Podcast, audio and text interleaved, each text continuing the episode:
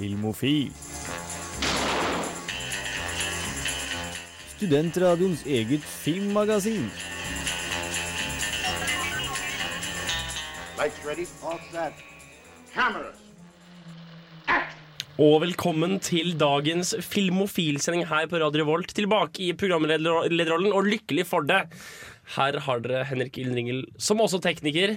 I hatt mm, størrelse stor har jeg med meg eh, Jan Markus Johannessen. I hatt størrelse hipster har jeg med meg. Hans Søsternes. Og med en mental veldig koselig sombrero Andreas Dørum. eh, fra Nerdeprat eh, på besøk her i Filmofil. Fordi Frida Sveen F. Hempel er eh, ikke her. Hun gjør noe annet. Forhåpentligvis viktigere. Eller Så mysteriet hvilken hatt ville Frida brukt? en sånn derre fransk sånn beret. Sannsynligvis. Hun er vel i utlandet, altså til opplysning. Er hun i utlandet, ja? Ja. Har hun faktisk på seg en flaske? Ok, i hvert fall. Uh, Vi har anmeldt uh, Montage of Heck. Vi har, uh, altså hva vi ikke har gjort. Vi kommer antageligvis til å nevne Age of Ultron fordi, Ikke bare fordi han har vært og sett den på kino Men også fordi det er ukas tema. Aller først så skal dere få et lokalband uh, Short Skirts eh, Med Far Side of Mexico. Håper du, håper du koser deg og er klar til å kose deg en liten stund Sammen med oss her på Filmofil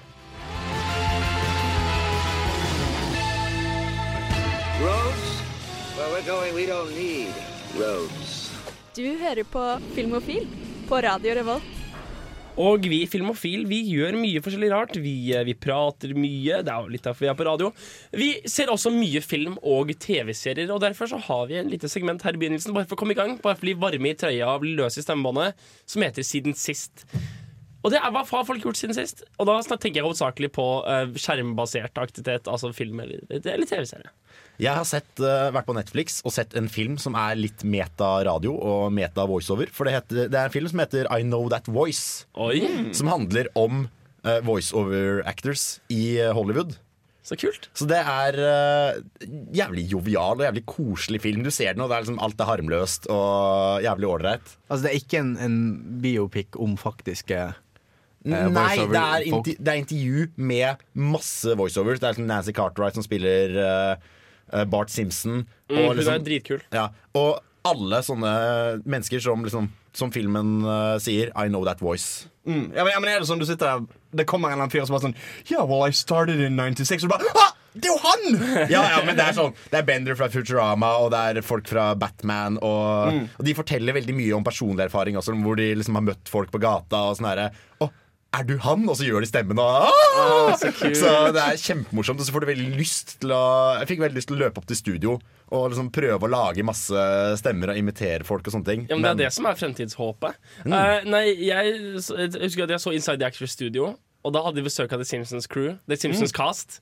Og da er det jo Hver av de folka har jo seks, syv, åtte stemmer. Yeah. Og forklarer på måte hvordan Han som har Homer, Han forklarte liksom hvordan han kom frem til den stemmen. Og så hører du hvordan han ligger på hvert lag av hver inspirasjon. Og plutselig ender han opp med Homer. Så gøy. Og det er utrolig kult å høre den måte, filosofien og intensjonen som går bak det. da Jeg tenker bare jeg ville glemt hvilken stemme jeg gjør midt i en uh, må Ja, ta, ta, ta, det så mange, ta det så mange ganger, for jeg blir sånn Å nei, det var feil stemme! Vent, nå byttet jeg midtveis. Men men det er jo fordi mange TV-serier spiller jo inn i separate biter. ikke sant? Mens for eksempel uh, Family Guy og han hva nå enn heter, uh, Han fyren. Seth MacFarlane, han spiller mye av det der inn som dialoger live. Hvor han, har, han fører en full samtale mellom to folk. Og de sier også det at eh, liksom, De møter folk på gata og sånn, Ja, men jeg kan også imitere han og si den setningen. sånne ting Men greia er at de sier at du må, du må kunne skuespille, du må kunne gå i rollen og Ja. være den personen. Ja, og lese. Shakespeare som Bart Simpson. Og likevel, liksom og bare være den personen og reagere på samme måten og sånne ting i fire timer av gangen.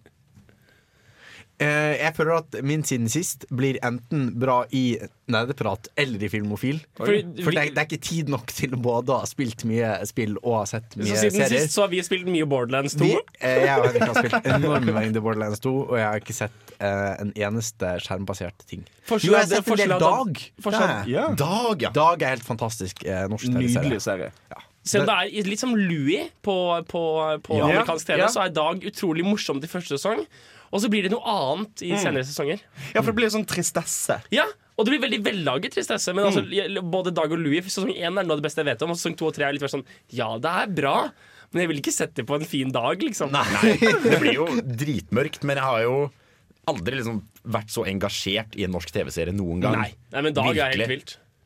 Eh, jeg har ikke sett så fryktelig mye siden sist. Nei, for du har ikke hatt internett? Jeg har ikke hatt internett. Uh, nettet på hybelen min er nede, og vi prøvde å fikse det. Og meg og hun ene som bor der, satt på rommet hennes hvor ruteren er, og bare sånn Faen, funk! Eh, så fikk vi internett i 20 minutter, og så forsvant det igjen. Føler meg nesten med sånn care package med sånn mm, flash sånn. drives. det kommer fra flyet ned Så, så på en måte det jeg har fått sett, har liksom vært typ når jeg har bare hengt her på Lucas. Eller noe sånt. Så jeg har sett, jeg har sett en del trailere. Eh, jeg så masse uh, Age of Ultron-trailere før. Så en, jeg har sett Age of Ultron på kino. Uh, den skal vi komme tilbake til. Men det er mye trailer Jeg så traileren til Mad Max, eller trailerne til den nye Mad Max-filmen, Ja, ja, som ser fucking episk ut. Det er helt galskap. uh, det er en ny Jurassic World-trailer som ser interessant ut. Um, og en ny Star Wars-trailer. Mm. The, the, the hype is on. The Hype Oh! Batman vs. Superman-trailer. Som Filmen ser kjip ut, men skal, skal vi ta og diskutere Batman vs. Superman litt Det høres ut som noe som passer inn i ukas tema, nemlig. Kanskje det. Ja, kanskje det. Det har jo, for han Batman han er sånn superhelt. Right? Ja, altså det er det som er spørsmålet. da Nei, jeg har eh, sett på en ny Netflix-serie som er nok en Netflix-kjøpt serie. Det ser litt ut som en annen engelsk TV4 eller et eller annet har laget den, men i hvert fall Netflix-eid. Og det er Scrotal Recall. Som er en TV-serie om en, liksom en eller annen dude og kompisen hans og venninnen hans, og han får eh, klamydia og må se tilbake på alle sine tidligere partnere, for han må si fra til dem. Og den begynte ekstremt koselig. Første tre, fire, fem episodene er dritkoselige, og så blir det litt sånn kjedelig etter hvert. Det var en koselig sånn der, rett før man legger seg-serie. Det høres ut som en litt mer skitten How I Met Your Mother. Sånn How jo, I Met the. Person Who Gave Jo, det Me ja, men det er det, uh, det, er det Men det, det funker på at det er et par kule karakterer, og det går. En litt mer douche-versjon av High Fidelity. Ja! Den likte jeg faktisk. Det var, det var faktisk ikke så verst. High Fidelity med John Cusack og Jack Black. Og, og hun derre Charles um, Ja, i hvert fall dam, nei, nei, ikke hun. Hun det, Jeg- et jeg eller har annet lest sett Seda Jones. Jones. Ja. Um, og selvfølgelig da sett Dr. Horribles singalong-blogg mm. igjen. For det må man se på på YouTube eh, når man, når man ikke har gjort det på en liten stund. Vi skal ta og høre eh, Rick Ashtray med, med Cops. Før vi går videre til nyheter, antageligvis, hvis jeg skulle gjette ved Hans Ystadnes. Du har rett. Filmofil gir deg nyhender fra filmen og fjernsynets i spanende vær. Og da setter vi over til nyhets, vår, vår faste nyhetskorrespondent eh, Hans Ystadnes. Det stemmer. Og det blir ikke en nyhetsting uten at vi nevner Phil Lord og Chris Miller. Da var jeg helt sikker på at du skulle si Fifty Shades of Grey. Ja, ja, altså! Det var det eller Lego Movie, liksom. Det blir dessverre ikke noe Fifty Shades of Grey i dag. Det det derimot blir, er Phil Lord og Chris Miller. De skal lage en Spiderman-film. Um, En, dette en, en ny reboot. Ja. Ish. Altså, på en måte, det skal allerede bli en ny reboot av Spiderman. Det høres jo litt ut som superkreften til Spiderman. At han kan skyte web, han har en overmenneskelig styrke, spidersans, og han kan rebootes uendelig mange ganger. Altså, Ja. Andrew, Ja, men- Garfield er ikke kald ennå, liksom. Nei, nei men, men, men poenget er at de fikk, ja, de fikk jævlig mye tyn for de to siste um, Amazing Spiderman-filmene. Som var den nylige rebooten av Spiderman. Så de tenkte vet du hva, fuck it. Uh, vi brenner uh, alle spor og starter fra scratch igjen. Eh, med en ny, ikke ennå annonsert uh, person som skal bli Spiderman. Um, samtidig skal det lages en animert Spiderman-film. Som Phil Lord og Chris Miller skal produsere og skrive. Var det den som skulle bli stemmelagt av Charles Gambino, eller hva han heter? Det er fortsatt på ryktebørsen. Donald Glover. Uh, men det er ikke umulig. Vet vi noe om hvordan dette kobles inn med uh, det universet som Marvel prøver å lage? det har ikke blitt sagt uh, noe som helst om om det kommer til å være i uh, MCU, men um, Altså, altså Spiderman-filmene er jo ikke det, Nei. siden de eies av Fox. Jeg må Ja, si det at sant. MCU er Marvel Comic Universe. Marvel Cinematic Universe. Å ja, ok, lær- lær- Lærte jeg den i dag. Men i hvert fall bare, vi må få ned lingoen for våre lyttere etter hvert som vi kommer inn i Ja, altså, altså Her er da poenget at du har to kanons, på en måte. Og en kano er Kanon altså kontinuitet, altså sammenhengende Verdens- historie. Ting som gjelder i historien. Verdenshistorien Og- for den komikken. Poenget er at sånn sett så har tegneseriene og filmene hver sin kanon. Eh, det er ting som har skjedd i tegneseriene som ikke gjelder for filmene, og motsatt. Um, og pga. rettighetsting så er det veldig sketchy hva som er kanon i Spiderman og hva som er kanon i MCU. Um, men nå skal jo Nå har jo Sony um, lettet litt opp på rettighetsgreiene sine. Så de skal jo blant annet leie ut Spiderman til eh, Captain America Civil War, hvor Spiderman kommer til å være med. Mm. Så på en måte, om det blir kanon eller ikke, både innen Spiderman og innen uh, MCU, er usikkert. Det har de ikke sagt noe om. Men det blir sikkert bra. Altså hvis, ja, hvis, ja, Vi kan gå videre.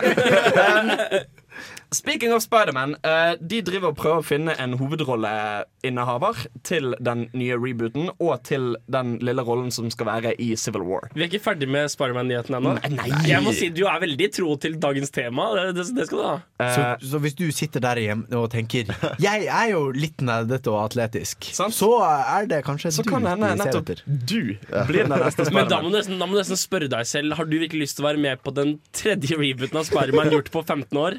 Really? Jeg ser for meg at de- Noen kommer løpende inn på filmsettet mens du er sånn halvveis inne i filminga. Nei, vi rebooter på nytt! Steng av! Ja! For det er utviklingen. Det er en sånn synkende geometrisk rekke. Vi rebooter raskere, raskere. Til slutt så når vi reboot-singulariteten, hvor du rebootes så uendelig mange ganger hvert sekund. Kan du rebootes før? Jeg kan faktisk se for meg en sånn Deadpool-aktig greie. Sånn Breaking the Fourth Wall. Ja, ja. Hvor de faktisk rebooter midt i filmen. Men hvem er det som er aktuell? Jo, eh, det er, fem, det er fem kandidater som har blitt avslørt, som driver og er i prosessen nå. Uh, det er en del av de som ikke er spesielt berømte. Uh, det er blant annet Nat Wolff, kjent fra Paper Towns og The Fault in Our Stars. Altså filmatiseringene av uh, hva den heter, John Green sine bøker. Er det han kreftgutten? Mm, en av de. I, ikke han hovedkreftgutten. Han bli- han blinde kreftgutten. Han blinde kreftgutten. Ja, okay. Han er en av de. Um, Asa Butterfield fra Enders Game og Hugo. Han bitte, bitte, bitte lille Bitte, duden. bitte, bitte lille duden.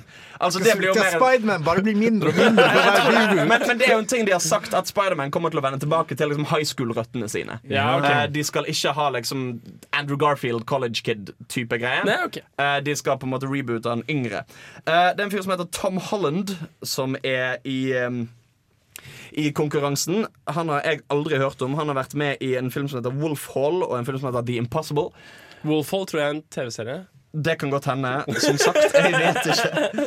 Uh, en fyr som heter Timothy Chalamet, som spiller uh, sønnen til um, Sønnen til Matthew McConaughey i Interstellar. eh, på, som 15-åring. De blir yngre og yngre, disse folka her. Ja, ja. Vet du hva jeg begynner å lure på? Jeg hus Husker dere den der filmen uh, og um, Det er en, en comic book-film hvor en eller annen dude skal kjempe mot sin nye kjærestes gamle fem ekser. Scott Pilgrim. Ja, Der er jo Scott Pilgrim er jo åtte år gammel, men alle damene i filmen er sånne fullvoksne 22-åringer, hvilket skapte en veldig merkelig sex... Scott Pilgrim skal foreslå å være 26 år gammel. I, What?! Tegneserien eller i Er det, det er min, Begge deler. Michael Cera han heter? Ja, ja, ja. Han ser ut som han er 12 i den filmen. jeg tror han er nærmere 30. Og dama ser ut som hun er 30. Og det er en vanvittig sånn forskjell over modigheten mellom damene og mennene i den filmen. Kommer de til å få samme greie i Spiderman? Jeg ser for meg sånn ny Spiderman, så kommer Spiderman Han plutselig hopper inn i scenen, har på seg en altfor stor drakt som henger på han. Sånn, hey, thugs, don't do that! Gud. Og så får du sånn Jackie Chan-aktig sånn ufrivillig eh, slåssing gjennom hele filmen. Eh, men vi skal holde oss på Marvel-nytt. Du er på avtrekkeren, ass! Ja, visst, fy faen. Eh, det kommer jo som sagt en film som heter Captain America Civil War. Um, som blir en Captain America-film, men det kommer til å være større enn bare Captain America. Og det kommer til å ha med en del folk. En som nå er annonsert som skal være med der, Spiderman. Nei. Jo, men nei. Um, er Scarlet Witch. Altså en Avenger som introduseres i Age of Ultron. Uh, men som egentlig er en med ganske lang tradisjon i tegneseriene. Det som gjør det interessant, er at hun Nå skal jeg ikke spoile noe, men hun er litt turbulent i uh, Age of Ultron. Turbulent som Og- at det er bra, bra, bra eller dårlig karakter? Eller Nei, humøret som, hennes? humøret hennes. Ah, Um, og det som er greia, er at I tegneseriene så er hun katalysatoren for en greie som heter House of M. Som blant annet fører til døden for Eller ikke døden, men omgjøringen av veldig mange av mutantene i X-Men. Altså, det, det som skjer, er at en eller annen katastrofe inntreffer. Og hun er super, supermagisk og nærmest eh, omnipotent. Ok. Og i en slags feberdrøm så sier hun 'no more mutants'. Og da forandrer det hele verden som om mutantene aldri hadde eksistert. Wow. Som omvelter veldig mye. Og så klarer de etter hvert å få snudd det, men fortsatt har du Altså, dette var på et tidspunkt i Marvel-universet hvor det fantes jævlig mange mutanter. Og så ble det ned til et tall på rundt 200. Altså Når man hører hvor komplisert det er å forklare sånn, disse tegneserieuniversene, så forstår jeg at de av og til bare sånn OK, alt sprengte! Nå begynner vi men, men poenget er at hun er jævla mektig og jævla fet. Og det er jævla kult at de har henne med. Uh, det kan bli bra. Eh, du har timingen inne i dag, Henrik. Og god tid på det hver gang, da. Vi er nesten nødt til det. Ja, vi er Um, um, Vi skal snakke om litt som ikke har med superhelter å gjøre. Eller det kommer an på definisjonen. Er Jeremy Clarkson en superhelt? Uh, er det, hva er det, hvilken, nyhet, hvilken nyheter er det her? Nyheten er at Top Gear kommer ikke til å komme tilbake hvis ikke Jeremy Clarkson gjør det. Oi! Dette har eh, James May sagt. Wow! Hvor han sier Vet du hva, det hadde ikke vi giddet. Eh, det blir ikke det samme hvis han og James Hammond skal sitte der med en stand-in. Richard. Richard Hammond. Jeg beklager. Ja, ja. Um, hvis de skal sitte der med en stand-in for, um, for Jeremy Clarkson, så hadde ikke det fungert. Nei, nei, men Top Gear som et BBC-program skal fortsette. Jeg, jeg, jeg vet at Hammond May gir seg sammen med Clarkson, men de fortsetter programmet. For, de har ikke tenkt å Ja, har du, ja. Ja, okay. Veldig persondrevet program, da. Jo, det er som faen, men det eksisterte jo før Clarkson begynte. Det har du for så vidt rett i. Eh, Såkalt Dark Ages. Jo da, det Det var som- ingen, ingen som så på. det som er sagt, er at de ikke kommer tilbake. Nei, okay. Men det er ikke helt ute av bildet at Jeremy Clarkson kommer tilbake. For BBC-folk har nå begynt å eh, ro litt. Oi! Eh, hvor de har sagt at nei, nei. Jeremy Clarkson har ikke fått sparken. Har- de- de- de Vi har bare ikke fornyet kontrakten ikke hans. fornyet kontrakten Ah. hans. Eh, så så det, er ikke, det er ikke umulig at han kan dukke opp. Jeg mener, Når du lager verdens mest sette TV-serie, Ja, så jeg- har du jo en god motivasjon til å fortsette med det. Altså, jeg tenker det er litt hårreisende at vi ikke har nevnt dette her på Filmofil, fordi som du sier, det er verdens, en av verdens absolutt største det TV-serier. var 350 350 millioner seere Det er forstått i sant. 170 land. Det er en statistikk de har oppgitt siden 2005, så jeg vet ikke hvor relevant den statistikken er. Det er sikkert bare vokst. Nei, altså, De har Top- sagt 350 millioner helt siden 2000, midten av 2000-tallet. Ja, men Top Gear har jo ikke blitt mindre siden den tid. Nei, så, men jeg, det, tallet er litt sånn Men ja, det er over mange hundre millioner som ser på det, og de ga seg jo etter For deg, kjære lytter, som ikke har fått med deg dette her, Mm. så Jeremy Clarkson har gjort masse merkelige ting i media, og ma- masse merkelige ting som en privatperson. Og for et år siden så, så gjorde han noe galt. BBC sa til han "Dere, det, det, det er gullkort, du blir hevet ut neste gang du gjør noe galt. Så i begynnelsen av i året så slo han til en medproducer og ble suspendert, og så fornyet ikke kontrakten hans. Vet du hva som var grunnen til at han slo til produsenten? Han han hadde ikke fikset varm mat på hotellet. Han, ha- Jeremy Clarkson hadde så jævla lyst på steak and fries etter en dag med filming, og så hadde dessverre ikke hotellet varm mat lenger den dagen. Ja, det var han medproduseren som, medproduseren som ikke hadde fått fiksa mat. Så det er litt sånn, Gudene vet hva som skjer bak det. Men det ble jo da offentliggjort, og navnet til medieproduseren ble offentliggjort, og hele greia ble gjort til et stort mediasirkus. Mm. Istedenfor bare å bli tatt internt, sånn som det har blitt gjort flere ganger før. Problemet er at dette skjer samtidig som BBC har kjørt en sånn stor kampanjegreie på at vi skal slå ned på Human Resources-saker. Mm. Og akkurat, akkurat det de er ferdig med å innføre den. Vi skal ikke gi oss, og vi skal være hardere mot alle uansett status, så slår Jeremy Jeremy Clarkson til noen. Tror du satt der litt sånn Nei! Faen! Så det er jo da to, to Top Gear-episoder som ikke er blitt airet. Ikke sant? Så det, er jo, det skjer masse spennende ting. Men jeg er litt spent på å se hva som skjer. Skal jeg trykke på knappen nå? Nei, Det var det jeg hadde. Nailed it! Gi, gi, gi, gi meg fem, da. Fuck yeah. Det er på tide å høre litt Lido og Canblaster med Superspeed før vi får en anmeldelse av Montage of Heck. I need you to hurry up, hurry up, hurry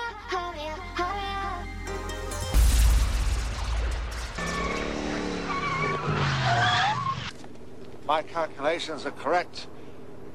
When this baby hits 88 miles per hour, you're gonna see some serious shit. Du hører på Filmofil på Radio Revolt. What did I tell you?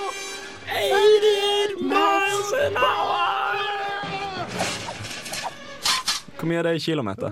Uh, Ganger 1,6 cirka. 8,8 ganger 1,6. Ne- Ja, jeg har sett en film. Det er 132 pluss uh, 13,2, så 145 omtrent. Dæven, jeg strøk i matte igjen, det. Ja, jeg, så, jeg, jeg strøk i matte fint. Nei, OK, jeg beklager. Jeg har sett en film. Dagens eneste ikke-superheltrelaterte tema. Montage of Heck. En eh, HBO-dokumentar om Kurt Cobain. HBO, faktisk. HBO. Eh, så uh, det, er, en film jeg ble veldig motivert for å gå og se da jeg spiste frokost sammen med nerdeprats Chris Monsen. Og sa at nå skal jeg gå og se en dokumentar om eh, Kurt Cobain. Han spurte hvem er Kurt Cobain. Hæ? Nei! Så jeg forklarte liksom Kurt Cobain, gallionsfiguren for grunge rock. Og han spurte hva er grunge? Ok, Da skal ikke vi drive og henge ut unevnte folk her. Men ja, for dette er da en film om Om, Om Kurt Cobain. Som da er Stort sett følger han i kronologisk rekkefølge gjennom alle mulige klipp, som jeg nevner, snakker litt om i de- anmeldelsen min også. Fra liksom å gå fra sint og misforstått og frustrert ungdom til å bli rockestjerne og til slutt et medlem av 27 Club, altså de kjente sangerne som har tatt livet av seg ved alderen 27, Eller dør på en eller annen måte. eller dør på en eller annen måte. Han ble jo kjent i Nirvana, som var bandet til han der eh, Foo Fighter. Han som var trommis i Nirvana. han som var trommis i Foo Fighter. Ja. Dave Grohl. Stemmer. Uh, og Montage of Vokalisten i Foo Fighter Ja, Dave Grohl, var trommis i Nirvana. Mm. Ja. Montage of Heck er oppkalt etter en av disse kassettene som de har funnet uh, blant hans liksom, personlige arkiv, som heter Montage of Heck. Som er da en kassett hvor han bare har sittet og spilt inn masse sånne TV-reklamevideoer. Han sitter bare jodla inn en mikrofon og bare laget sånn en egen sånn mixtape av Lok. Lok, rett og slett. Som han da kalte Montage of Heck. Og filmene er oppkalt etter denne her, og passer egentlig ganske godt til tittelen. Vi syns egentlig vi bare kan kjøre anmeldelse.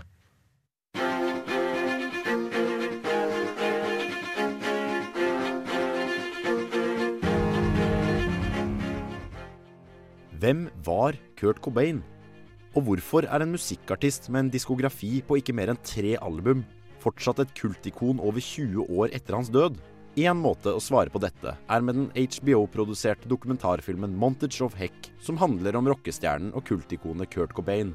Ikke bare klarer den å tilby noe for de mest engasjerte, som kan ramse opp rockestjernenes liv minutt for minutt, men også for de som lurer på hvor det bildet med svømmebabyen kommer fra, og ikke minst alle oss midt imellom.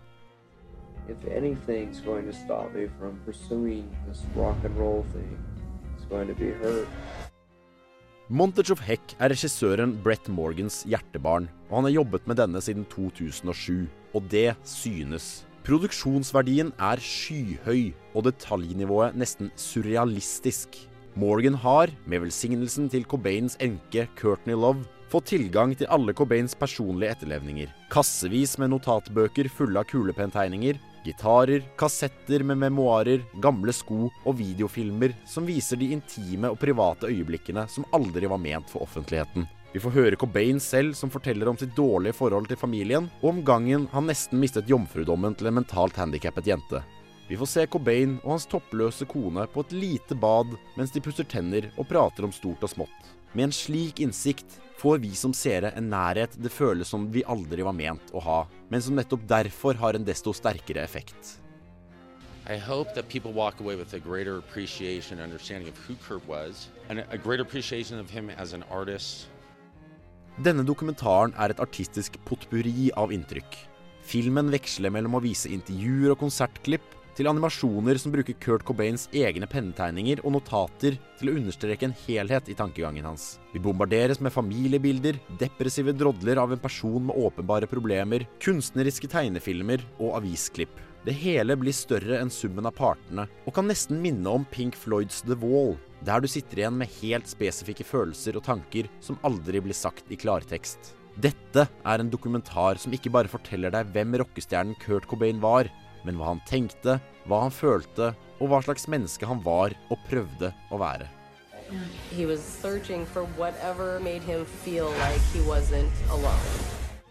For dette er også kanskje Montage of Hex' sterkeste side. Det er en dokumentar som ikke fyrer opp under gudestatusen Kurt Cobain har fått i ettertid, men som viser en person med problemer, følelser, tanker og feil lik alle oss andre. I stedet for å sitte med feiloppfatningen av at det hele var forutbestemt fra det øyeblikket han tok en gitar, ser vi hvordan den unge mannen med en problematisk oppvekst blir revet inn i en bråkete kjendistilværelse han aldri spurte om. Vi får se en person som aldri ba om å bli sin generasjons stemme, men som allikevel ble en nesten mytologisk skikkelse fordi det han sang resonnerte hos så mange andre. I was underdeveloped, immature little dude that never got laid. Montage of Heck er en virkelig god dokumentar som lærer deg like mye om musikkhistorie som den lærer deg om å være et menneske som har kommet skjevt ut i livet. Etter å ha sett denne filmen har jeg ingen problemer med å forstå at det er den eneste filmen som har fått velsignelsen fra samtlige av Cobains etterlatte familie og venner. Om du vil lære mer om Kurt Cobain, eller bare se et solid stykke dedikert filmkunst, kan jeg på det varmeste anbefale Montage of Heck.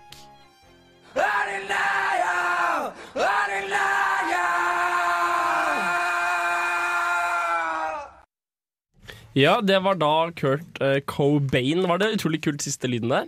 Ja, det er uh, Fra det Montage Effect-tapen? Uh, ja. Eh, han, de har satt sammen utrolig mye rart i denne greia her. Og blant annet den fiolinspillet du hørte i bånn, er noe de har brukt i filmen. Det der isolerte vokalen fra Smells Like Teen Spirit er noe de har brukt i filmen. Så jeg har tatt veldig mye inspirasjon fra den filmen og bare mm. satt sammen masse kult. Det er jo en typisk film som burde bidra med sitt eget musikkspor, tenker jeg. Ja, absolutt. Eh, og har noen av dere lyst til å se denne filmen? Ja, definitivt. Ja, Det var synd, for den eneste, eneste visningen som er i Trondheim, begynte for tre minutter siden.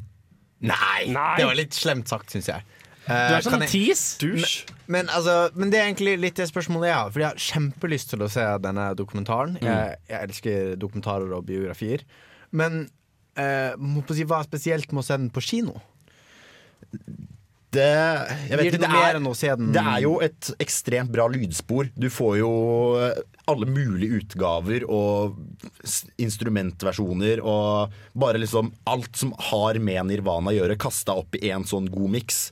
Og etter å ha sett den, så jeg har aldri hørt noe særlig på grunge eller punk i hele mitt liv, men jeg gikk liksom hjem og satte meg på Spotify og bare OK, nå setter jeg mer pris på dette her. Fordi nå har jeg liksom fått tankegangen bak og inspirasjonen og når det ble laget, omstendighetene rundt. Og du får en helt annen, et helt annet perspektiv på det, istedenfor bare å være sånn one hit wonder du kanskje har hørt på radio. Fikk du et annet inntrykk av Kurt Cobain enn en får av annen omtale av han og mediebildet som er skapt av han? Litt, det tror jeg kommer litt an på liksom, hva slags Litt individuelt hva slags inntrykk du har fått. Men jeg ser liksom på han som sånn ja, rockestjerne, og så ble han berømt, og så begynte han med heroin, og så døde han. Men når du ser alle disse klippene fra Kurt Cobain, så virker han som en jævlig sympatisk og jævlig ålreit type. Mm. Som bare har rett og slett vært uheldig og gått på en skikkelig smell med liksom, Alt føles så naturlig da, som en konsekvens av at han hadde en dårlig oppvekst. Og han begynte med noe dop, og så hadde han de problemene som blir vist, og så lagde han den film, nei, lagde en låt som gjorde han kjempeberømt, og så begynte han med heroin, og så ser du liksom progresjonen hvor ting går dårligere, og Mm. også hvordan musikken hans går fra å være veldig sint og veldig bråkete i starten til å liksom være omtrent bare en tenåring som skriker at han hater samfunnet mens han slår på gitarstrengene, Mm. til å bli liksom mye mer depressiv uh, som en konsekvens av livssituasjonen hans. Og du forstår veldig hvorfor musikken er skrevet slik den gjør. Ja, fordi altså, jeg har jo uh, Sonic Highways, som er han derre Dave, Grohl. Grohl. Dave Grohl sin Mm. TV-serie hvor han reiser rundt i USA til viktige, viktige musikkområder. Der er En av de episodene så går han jo inn i Washington DC-området, der han kom fra, og hvor på en måte han prater en del om Nirvana og deres innspillinger og deres på en måte hvor grunchen kom fra. Mm. Og Der får du vel inntrykk av at de var på en måte bare noen 20-åringer som liksom det gikk opp for dem. Herregud, du kan lage den type musikk.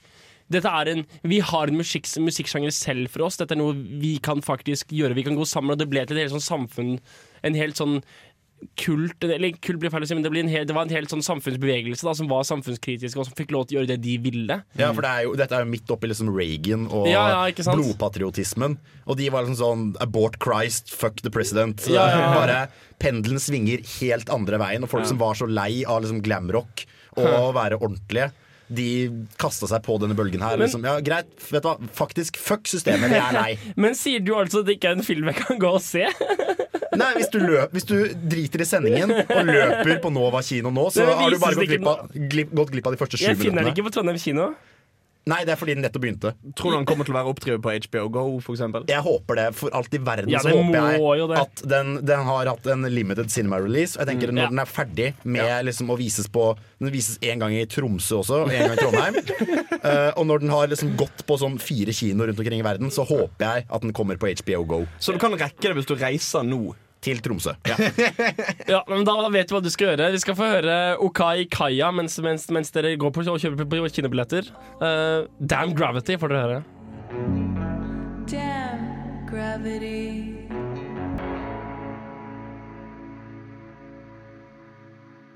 Så Hans, du har sett, sett den nye Adventurous-filmen. Om jeg har. Det, ja. Jeg, jeg, jeg, ja. Jeg Vi, vi har jo da hatt en greie gående hele uken hvor vi prøver å spøke om at vi ikke kommer på den, hva den Adventures eller Avengers eller hva den var for noe. Så er det en- en toer, er det oppfølgerfilm, eller hva er det, er det egentlig? The Superman 2, er det ikke det? Ja, ja, altså det er jo det er den derre- der, er um, Super Ink. Eh, eller er det, er, det, er det I hvert fall, det er en stor film som kom for en liten stund siden, som ble en kjempehit, som Ja. het Avengers. Det stemmer, den kom i 2012. Sommeren Og 2012. Nå, tre år senere, så kommer det en, en, en, en til. Ja. Og eh, den, den ja. forrige filmen tjente jo alle pengene. Alle Kommer den pengene i verden. Ja. Ja. Kommer den her også til å tjene alle pengene? Jeg mistenker det. Uh, fordi han har blitt hypet som bare faen. Nå er jo problemet at Marvel har lekt så godt som hele filmen i form av klips og trailere. Det finnes Som jeg vel da ikke har sett. 13-14 forskjellige trailere ute nå. Eh, Du, du, du, du, kan, du kan klippe sammen trailerne. Men jeg tror vi trygt kan si at denne kommer til å tjene, om ikke alle pengene, så en god del av de. Når Joss Whedon skal lage oppfølgeren til en av verdens best likte superheltfilmer, er det klart at forventningene er store. Kritikere har hevdet at Age of Ultron bare delvis lever opp til disse, og at resultatet ble rotete og mangelsfullt. Selv syns jeg det var vanskelig å høre de overlydene Fy faen i helvete! Hulken slåss mot Ironman i Hulkbuster armor. Han bare pow, puff, og Ironman bare whoosh, pjong, pjong, pjong, Og han har sånn arm som bare dun, dun, dun, dun, dun. That little witch is messing with your mind. You're stronger than her. You're smarter than her. You're Bruce Banner. Don't mention puny Banner.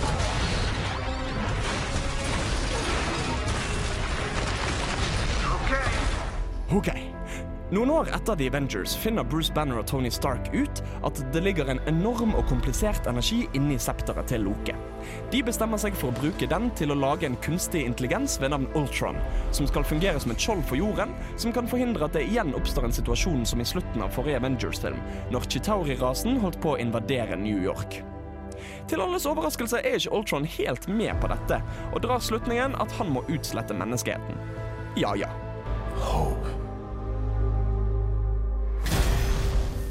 I'll take that from them first.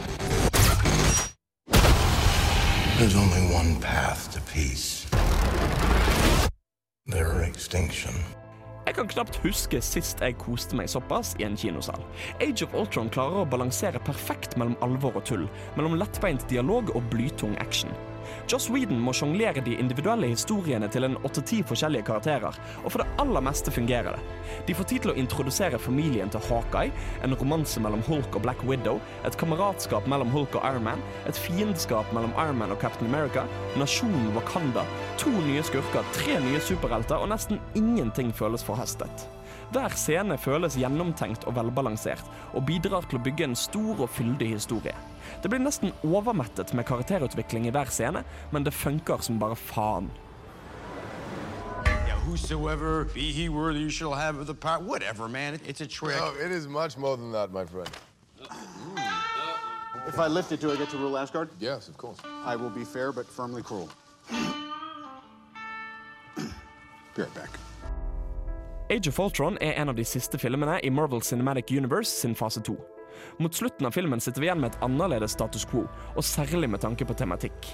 De begynner å fokusere mer og mer på forholdet mellom supermennesker og folk flest, og hva som er de reelle konsekvensene av store kamper i tettbygde strøk. Hulken får kjenne hvordan det blir når fryktene hans for å gå til angrep på sivile og uskyldige blir realisert, og Iron Man får se at friheten han tar seg med mektige krefter, får uante følger. Selv om filmen i aller høyeste grad føles som et selvstendig produkt, legger han nydelig opp til kommende konflikter i seinere filmer. Try to create a suit of armor around the world. But I created something terrible.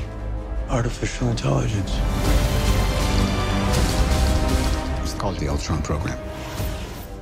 Hvis The Avengers fra 2012 var beviset på at det går an å lage en bra film om verdens mest kjente superheltteam, er Age of Ultron beviset på at det går an å perfeksjonere den. Actionscenene er nydelige, dialogen er morsom, og alle karakterene virker viktige og betydningsfulle. Han er fylt til bristepunktet med innhold, men tar seg likevel tid til å puste innimellom. Han viser forholdet mellom superhelter som er så menneskelige som kun Joss Whedon kan skrive de. Age of Ultron er en bragd, og du må gå og se den nå.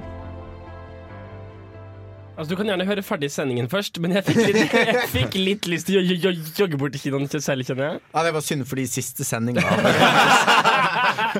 Svalbard om, eh, om 26 timer. Begynn å svømme. Nei, men Det hørtes veldig bra ut. Jeg tenkte, når, når du sa han har da laget Nå har han klart å vise at det går an å lage en oppfølger om de beste superheltene. Fordi det er jo en oppfølger, og det er jo sjelden at de er så veldig bra. Ja, og det er jo en veldig direkte oppfølger til den forrige Avengers-filmen. Altså De tar ikke med seg så mye av det som har skjedd i de andre uh, individuelle filmene Mm. underveis. Fordi det er en- Hvor mange filmer er det mellom? To? Tre? Det er Guardians of the, Guardians of the Galaxy imellom. Um, Men det er vel ikke samme Captain kanon? America The Winter Soldier er imellom. Og, så er det Thor, Thor The Dark, Dark World. Er vel det jeg kommer på i farten. Um, og han tar, ikke, måte, han tar ikke opp så mye av det som skjer der. Det blir nevnt i litt sånn bisetninger og sånn. Ja. Så de som har sett de filmene, får litt igjen for dem? Ja. Ikke sånn at du går glipp av noe? Hvis Det er jeg ikke nødvendig. Altså, du kan ha sett Den siste Marvel-filmen du har sett, kan ha vært uh, Avengers, og så kan du gå rett og se Age of Ultron. Og Iron Man 3 var det siste. Den er også mellom der. Stemmer. Stemmer. jeg kan også! Jeg kan også! Den er forresten verdt å se. Uh, Iron Man. Iron Man 3, det er med ah, Tenk. Robert, Robert Downey ja, nei, altså ja, Men hvem er det han slåss mot? Han slåss mot uh, The Mandarin. Mandarin ja. mm, Mm. Det er den. For det er ikke kommet en tredje. Ja. Mm. Eller det har kommet en tredje, men ikke en etter The Mandarin. Jeg tenker jo at det er veldig viktig uh, for en sånn type film hvor det er så mange forskjellige folk og så mange interessepunkter og så mange sterke karakterer, mm. at den klarer å gjøre det du sier, at den klarer å ta seg tida til alt dette her. Ja, og det, og det, er det- altså, på en måte det er sånn Jeg ser at Joss Whedon gjør det, men etterpå så fatter ikke jeg hvordan han klarer det. Nei, for For du, du tenker tilbake på et Avengers som litt samme greia. Hvordan klarer du å bli underholdt av så mange ting etter hverandre? Liksom? Han klarer å gi sånn dybde til alt, Mm, mm. Og, og det virker så organisk og menneskelig. Og, og, måte, og særlig i sånn Altså i kampscenene kan du se en utvikling fra hvor de på en måte i Avengers var litt sånn Nå må vi finne ut hvordan vi skal slåss sammen. Til at det er blitt sømløst samarbeid oh, i Age of Ultron. Det er så heftig. Det har Joss Whedon hard-on i studioet. Ja, ja. Ja, men altså For å sammenligne med Hobbit-filmene, eksempel. Nei, det skal ikke vi ja, gjøre. jo, ja, men, men altså som en kontrast, for der føler jeg de liksom De, de er filmer som bruker tre timer, og så skjedde det nesten Ja, ingenting. Nei, det er, det er en veldig god sammenligning. Det skjer ingenting. For det første skjer det ingenting i Hobbit-filmene. For det andre er det ingen karakterutvikling. Nei, nei. altså, selv bare i Altså De har noen sånn helt rolige, chille scener. Altså, for eksempel, de har en scene hvor de er på en eller annen sammenkomst, og alle prøver etter tur å løfte hammeren til Thor. Og da sitter de bare der og snakker drit om hverandre, men du får veldig sånn forståelse av hvor kameratskapene ligger, hvem som på en måte er med hvem, og sånne ting. Ja, fordi jeg tenker at Noe av fetisjismen over superhelter er å se superhelter i vanlige omstendigheter. Ja. Det feteste er ikke å se Supermann løfte tog. Det feteste er å se han prøve å åpne en, et eller annet som er satt fast av rustere. Altså, det er å se han gjøre et eller annet vanlig. Og det morsomste med Avengers var jo å se den lille teaseren de ga ut i ettertid, der de bare sitter og spiser shish kebab. De sitter rundt et bord. Det det det er kronologisk 20 minutter etter at filmen slutter. For det siste, det, det siste Tony Stark sier, skal, er det noen som er keen på en kebab. Og så sitter de og spiser kebab i et 30 sekunder langt klipp uten dialog, hvor de bare sitter og spiser og ser tankefulle ut. Og det er det, de, de gjør så utrolig bra i den filmen. Apropos der, så vil jeg bare dra fram fra den nye Supermann-filmen, som er sånn meh. Så er det én scene som bare er råfet, hvor de setter håndjern på Supermann. Og så går han liksom inn i et rom, og så bare Ja, har dere satt håndjern på han? Og bare sånn Klink! Ja, hei, det går bra. Liksom. Bare drar det fra hverandre. Det, det er sånn, hva, hva prøver dere på? Men det er, det er interessant. Vi kan jo prate om det senere når vi skal snakke om Supermann som eh, ukas hjemmelekse. Men ja, Supermann har jo også litt den humoren.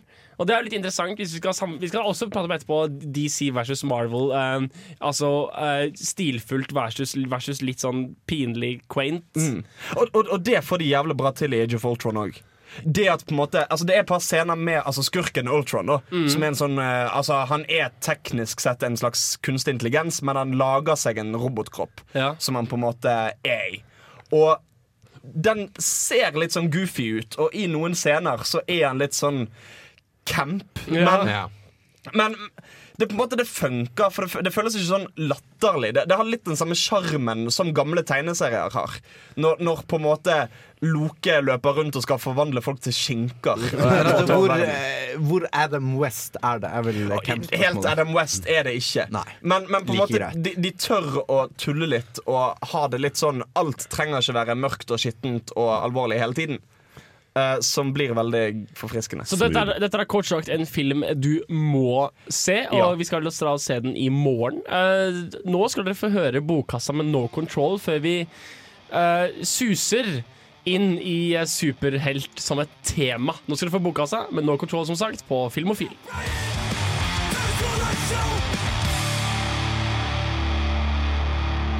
For et program i burra med både klasse og stil. Filmofil. Og altså, vi hadde en greie i begynnelsen av uh, andre verdenskrig, egentlig litt før det til og med, så ble det introdusert en uh, superhelt i, uh, i sånne comic books som het Supermann. Og uh, mange andre superhelter og mange andre supre ting som ble gjort. Og så, eh, på begynnelsen av 50-tallet og litt sånn rundt der, så begynte det å komme kortfilmer i før andre storfilmer.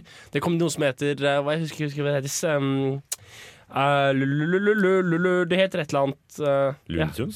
Nei, Nei. det het sånne shorts, altså sånne ve vel- veldig korte, små um, Uh, filmer som kom før hovedfilmen. Mm. Og det var der superheltfilmene hadde plass i begynnelsen. Det er jo litt, Pixar har jo gjort mye i det, at de har Ja. en liten sånn kort sak før uh, den ordentlige filmen. Ja. Så det var altså før eh, superheltfilmer ordentlig tok av. Og vi skal prate om Supermann fra 1978. Den skal vi prate om nå om litt eh, med ukens hjemmelekse. Så kom liksom superheltfilmene inn som sånn herre Ja, det var Det er sånn morsomt, det er litt camp, det er litt merkelig, det er litt queer. Det er litt sånn barneunderholdning, og det er litt weird og morsomt, og humoren er liksom veldig viktig, veldig prominent. Og det ble laget masse sånn på en måte små TV-serier og sånn. Og nå har superheltfilm blitt en sånn gigantisk big fucking money franchise, hvor folk som Christopher Nolan lager i mørke kontrastfylte, dunkle, harde, depressive Jeg kan ikke få flere superlativer. Eh, Nolan-aktige filmer. Og Supermann ble laget i en sånn mørk karakter med vind og sånne tundratrukne scener. Og helt opp til sånne ting som Iron Man, hvor han liksom ser på seg selv i et speil i to timer om gangen. Altså, det, det, det har blitt en sånn kjempestor greie, men det begynte et helt annet sted som en litt sånn koselig liten camp, liten intro til en annen film. Jeg ser på meg en sånn etterkrigsgutt som sykler på sykkel med sånn flagg bak. Har liksom et Supermann-blad stikkende ut av bukselomma sammen med en sprettert. Og liksom Ja. jo, jobber, selger, kaster aviser på na naboens plen liksom på søndager. Ja, De het serials, disse små filmklippene som kom før hovedfilmene. Så det var, det var liksom der det begynte. Og vi hadde veldig lyst til å prate om det i dag, ikke bare fordi vi anmeldte Age of Ultron i dag, men også fordi det kommer Nå kommer det en periode der det kommer 29 filmer frem til 2020 som er planlagt om superhelter. Wow. Så etter at vi er, vi et, altså Det kommer bare tre superheltfilmer i år, gjør det ikke det? Hvilke det som kommer i år? Um, Avengers. Det er Avengers som vi så. Ant-Man Ant-Man. en ny Ant-Man, en ny Captain America. Nei, Nei, Captain America neste sommer. Ja. Og uh, reboot av Fantastic Four. Stemmer. Stemmer. Og det kommer i år. Som vi, ser veldig spennende ut. absolutt. Så vi er liksom nå virkelig i slutt. Vi er virkelig nå i begynnelsen av en sånn veldig bølge i superheltfilmer, etter at det liksom egentlig har vært ganske mye av dem de siste ti årene. Altså, altså I Marvel sin plan så er vi nå på tampen av fase to. Fase to. Er det, er det offisielt? Det er offisielt. Ja, det, det, det, det er gitt ut en sånn releaseplan. altså Fase én var alt fra Iron Man til The Avengers. Ja. Uh, alt fra Avengers til Ant-Man nå i sommer er fase to. Og så begynner fase tre med da Civil War er vel kanskje neste i planen Ja. da, hvis jeg ikke Er tar helt fase fire å ta over verden? Hvem vet? Jeg ser liksom for meg i Marvels hovedkontor nå. Det er sånn her, Fase to så tar vi balletak på dem. Fase tre så klemmer vi! Ah. Så altså, hva, hva skal man si? Hvor skal man begynne? Det begynte i 1938, og det skal komme 29 filmer frem til 2020. Hvordan, Ja, men hva jeg vil, man eh, jeg vil eh, For her vil jeg være litt uh, au contraire. er det, Hva er det, Fordi i 1920 så kom det en film som heter The Mark of Zorro. Oi! Og her har du en maskert eh, nice. hevner Zorro er ikke superhelt. som eh, tar oppgjør med kriminelle på kanten med loven. Og er ikke det egentlig bare Batman med et sverd? Nei. Altså Hvis Zorro ikke er en superhelt, er da Hawkeye en superhelt? Altså, det, vi møter på et annet plan, men også hva er superkreften til Batman? liksom? Penger. Kaste penger på problemet. Altså, Batman, har det. Batman, har den, har, Batman har det mest analytiske og mest planlagt skillet hodet i verden. Da. I alle, alle universene han er med i, så har han alltid en plan for å drepe alle han er i nærheten av. Så altså, Og Batman sin superhelt Batman sin superkraft er egentlig planlegging. Men da er Zorro verdens beste fekter. Bart? Nei, Zorro er verdens kuleste dialekt. Du må jo ikke ha superkrefter for å være en superhelt. Altså, du må, du må Men være du, spørre noe deg, er, er, er Kickass-folka superhelter? Eller er de bare maskerte vigil- vigilantes? Han har jo superkraften å ikke få vondt når noen slår han med noe hardt. Det er jo hans superkraft. Til Kickass. Al altså Han mister nervetrådene sine når han blir kjørt på Ja, bilen. men han, han er ikke, det, er ikke noe overna, det er ikke noe overnaturlig. Han er bare det er overnaturlig og er ganske smart heller. Det føles Nei. som det må det, bortsett fra at det stemmer jo ikke i mange tilfeller. Nei, er utrolig flink til å skyte bull og, bil og pu... Du kan jo samtidig si Hogga er mye flinkere til å skyte pil og bue enn noe menneske som lever og kan leve i vårt fysiske univers. Jo, men, jo, men med for eksempel Captain America? Uh, han har jo ikke superkrefter. Han er i peak fysisk helse innenfor menneskelige grenser. Ca- Captain America har jo sånne superstråler. Hæ? Captain, Captain America? Nei, Nei, nei. hva tenker du på Han nå? har ikke superkrefter. Jo, han er supersterk. Jo, de der Vitro Race. Han får jo sånne stråler på kroppen. Captain America, jo. Nei, nei. Det som skjer med han, er at han tar dette superserumet. Ja. Eh, Steroider. I utgangspunktet tok han det regelmessig, men etter hvert så er det fusjonert med kroppen hans, sånn at han har det. Det gjør at han er i peak fysisk form for hva det er mulig for et menneske å bli. Han er så sterk, rask og utholdende som det er mulig for et normalt Men menneske altså, å bli. in universe vanlige mennesker. Altså, han er jo mye sterkere enn et menneske i vårt Altså, i Marvels univers. Ok, men det, det, I Marvels Men er så kan folk bli litt sterkere Per definisjon har han ikke superkrefter. Nei. Nei, men per Marvels definisjon, ja. Ja, men, Men- altså, nå snakker du om to forskjellige ting. For vi, som du sa i sted, Det er en Marvel Cinematic yeah. Universe som begynte i 2008-ish. Ja, men der også har han ikke superkrefter. Ja. Nei, men der, er, der, fikk han, der fikk han dem jo på en annen måte. Det var en maskin som injiserte en med samtidig. Så Ja. det var en plutselig prosess. Jo, men, men de har tatt seg masse frihet. Altså, for eksempel i tegneseriene Så eh, skjedde det veldig annet Altså Der har Captain America teknisk sett vært i live og vært superhelt siden 40-tallet. Men så ble det avslørt på et tidspunkt at den Captain America som alle har kjent gjennom alle tiår, var en etterligner, og den ekte Captain America fryst. var fryst ned. Jeg har et forslag. Eh, hva om vi ikke dømmer etter nøyaktig hva slags krefter de har, men hvor grusomme ting de kan stoppe? Altså, Superman, eh, Batman kan redde en by, Supermann kan redde verden, Captain, Captain America kan banke opp Hitler, mens uh, folka i Kickass kan liksom så vidt klarer å hamle opp med en eller annen mafiaboss. det liker jeg. Superhelter takler, takler eh, Superproblemer. superproblemer, mens alt Sorry gjorde, var var å skjære av Catherine Zeta Jones sin kjole. Jeg tror vi gir oss med vi faktisk og prøver å begrense oss, Fordi hvis vi går inn i hele Altså, det er jo sant nerdeuniverset en heltedåd, det, da. det er, ja, ja, ja, ja, på den tida der. Ja, det var nok litt egeninteresse i det. Vi skal høre Panda Panda med What Are You Waiting For? Ok, Jeg merket at forrige stikk ble litt Vi, vi, vi vikler oss fort inn i spindelvevet som er superheltfilm gjennom historien. Og Vi kan prate litt løst og fast om det, men det blir vanskelig å dekke hele temaet på en enkel sending. Er det kanskje derfor Spiderman rebootes så ofte? Ja, fordi han klarer å fucke ja, nå, ok, La oss la, la det ligge. Vi, vi kan si at, at Adam West smågreiene ble til en stor Batman-film i 1966. Og så skjedde litt andre greier. Og sånn Og så 1978 og så kommer Supermann-filmen vi skal snakke om, om, om neste stikk. Og så kommer det på 90-tallet kommer det en hel haug med uh, Batman-filmer og 89.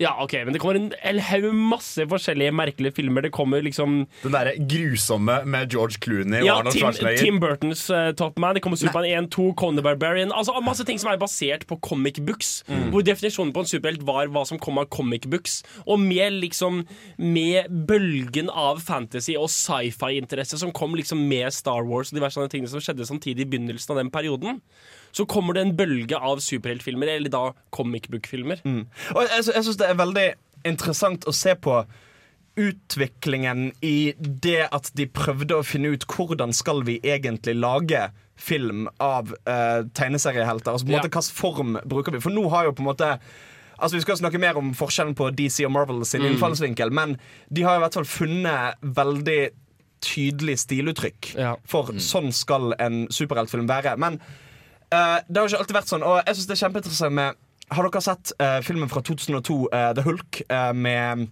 regissert av eh, Ang Lee, eh, med Eric Banna i hovedrollen? Er det ikke den som er kjempedårlig? Jo, den er kjempedårlig, men den er interessant dårlig. Har, har jeg, sett, jeg tror jeg har sett den. Poenget er at den føles veldig kunstig veldig mye.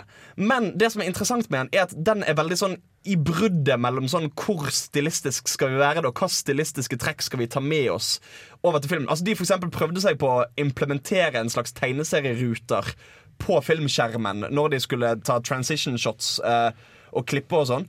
Og det er blant annet en veldig berømt scene som er blitt gjort veldig narr av, hvor han ene sprenges i fillebiter.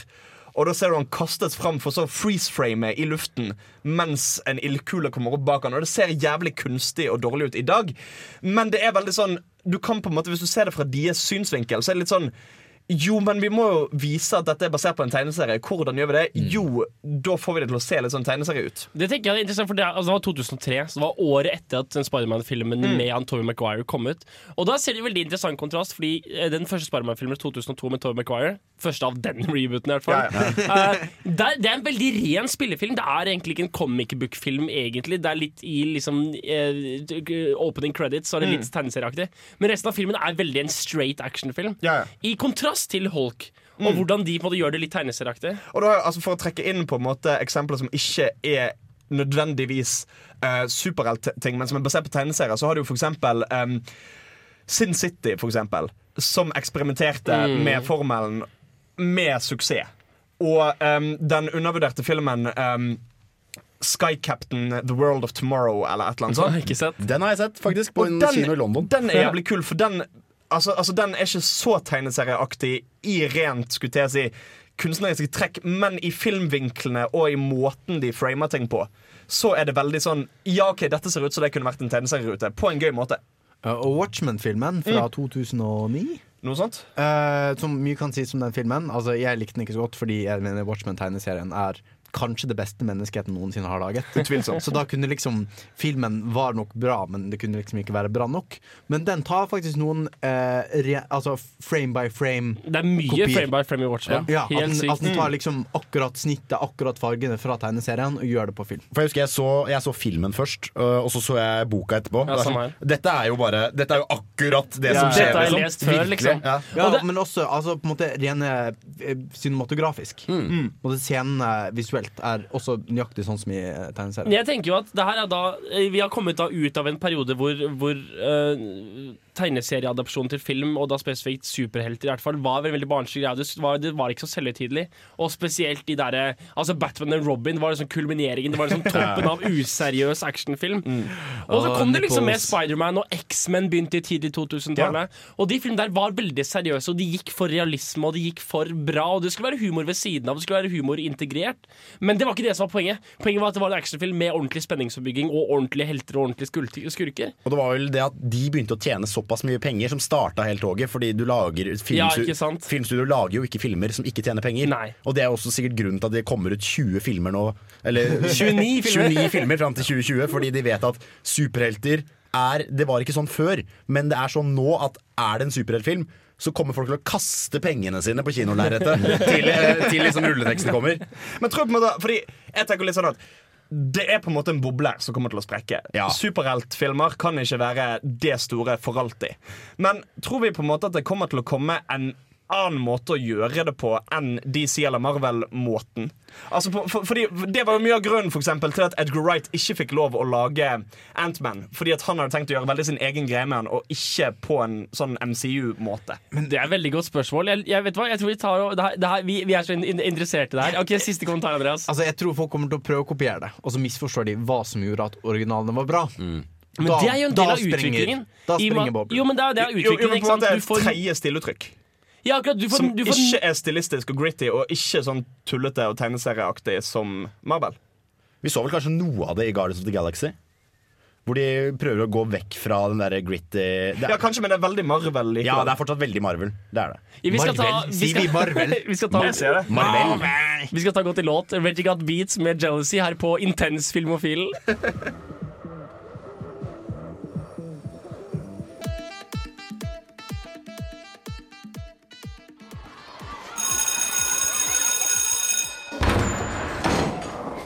be no foolish wand waving or silly incantations in this class. No, okay, that's it for the day then. Today, we have a similar debate over this. Anyone know what this is, class? Anyone? Anyone? Anyone seen this before? Ukens hjemmelekse. Jeg må ærlig talt si at jeg ikke hadde sett Superman eh, 1978-filmen før um, Før i dag. Fordi jeg hadde liksom sett deler av den og tenkt at dette var kjedelig. altså, jeg, jeg så den for en evighet siden, og jeg husker bare starten. Starten bruker for alltid. For det, altså, det er den hvor det kommer sånn Bluesbatch! Ja. Og så er det der i fem sekunder. Og så navnet på den som produserte filmen! Og så er det der i fem sekunder. Og så intro. introen til den filmen varer for evig. Filmen er to, to timer og 30 minutter lang. Liksom. Og med også John Williams uh, Ja, ja. score. Da, da, da, da, da, da, da, da. Det er så- det er bare sånn over the top. Det er så eh, sykt over the top også, og det, det er et godt ord for det, fordi hele den filmen er det er så sykt. altså den Marlon Brando look, Marlon Brando lookalike, som er liksom Jor L i begynnelsen av filmen, som prater kjempesakte og går rundt og sier vektfulle ting, liksom. Look, det er vel Marlon Brando? Er det Marlon Brando? Ja. jeg, jeg, jeg, jeg sov så mye gjennom denne filmen. Ja, men, ja, det er Marlon. Brando. Det er også Det som er helt fantastisk, er jo bare planen til Lex eh, skurken. Spilt av Gene Hackman! Ja, ingen altså, dette, ringere. dette var for... Jeg skal da høre på klippet. Gene Nei, jeg, Hackman. jeg må bare forklare ja, det, hva som skjer i klippet her. Fordi han blir liksom Supermann kommer inn og skal sånn, Ha, nå skal jeg slå deg, og kaster uh, Lex Luthor i veggen. Og så har Lex Luthor lurt Supermann fordi de, han har skutt to missiler, som vi kommer tilbake til. Og fjernkontrollen tror Supermann ligger i en kiste, men der ligger det et kjede laget av kryptonytt. Å nei. Å nei! Kjør klipp. You diseased maniac. Do you really think you could hide it from me by encasing it in lead? I'll mold this box into your prison bars. Don't touch that.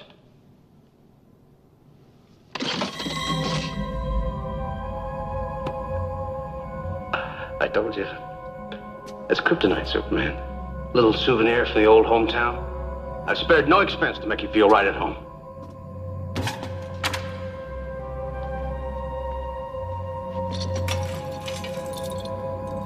You were great in your day, Superman. But it just stands to reason. When it came time to cash in your chips, this old diseased maniac would be your banker. Jeg liker så godt at både Supermann og Lex Luthor omtaler han som 'deceased maniac. Og altså, Gene Hackman er det som uten tvil fungerer best i denne filmen. her Som Lex Luthor, den liksom geniale, men idioten av en, av en supervillain. Jeg er også glad i at all stråling lager en sånn bzzz. Er Og all flyving lager en bare for å understreke liksom hvor eh, over the top den filmen er, så må jeg forklare Lect Luthers plan. Spoiler alert, men det er hjemlekse, så jeg har lov til å spoile. Det er da at han skal skyte en missil eh, i den der tektoniske plateriften, uh, som er den San Andreas-riften, som gjør at Hele California, for han har kjøpt masse land inne i ørkenen på høyresiden av den, eh, den riften. Okay. Så hele California skal da revne fra mainland og, Forsvinne ut i syn- og synke i havet. Og at han da, har, han, da eier han alt landet som er da den nye California-kysten. Jeg vet hva som er noe av det villeste? Det er nesten likt eh, plottet i eh, Superman Returns fra 2006. 2006. Ja. 2006. Med åpenbart den beste Lex Luthor ever, for det er spilt av Kevin, Kevin Spacey. Spacey. Eh, for der er plottet at han skal vokse sånn krystaller i havet, Mm. som da får en massiv flodbølge til å drukne hele New York, tror jeg. Men det er liksom Det er gjort litt mer seriøst og litt mer gritty. Ja, I motsetning til liksom sånn Nå synker California. Blum! det er, det er så mange ting det er, altså, la, meg- Jeg har egentlig lyst til å bruke for mye tid på den filmen, Fordi for meg så er det så mye ting galt med den. Men det den gjorde, var å være liksom Eller 30 år med småting og små filmatiseringer. Batman var en, i 1966 var en større filmatisering, men Mm. det er der det begynte.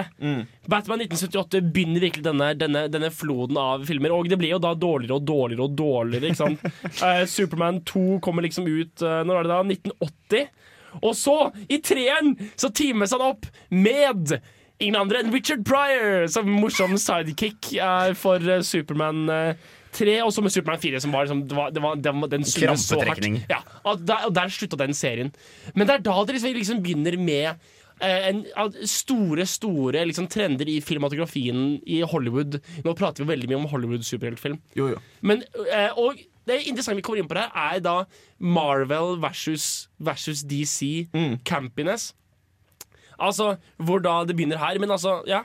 Eh, spørsmål for de som hører på og ikke vet det. Hva er Marvel, og hva er DC? Det er vel utgiverne av tegneseriene i sin tid. Hans rykker ja. hardt i al- altså, altså, det, er, her. det er på en måte de som eier de forskjellige franchisene. Så DC har Justice League, Supermann, Batman, Aquaman, Wonder Woman. Alle de der. Suicide Squad, som kommer snart uh, på kino.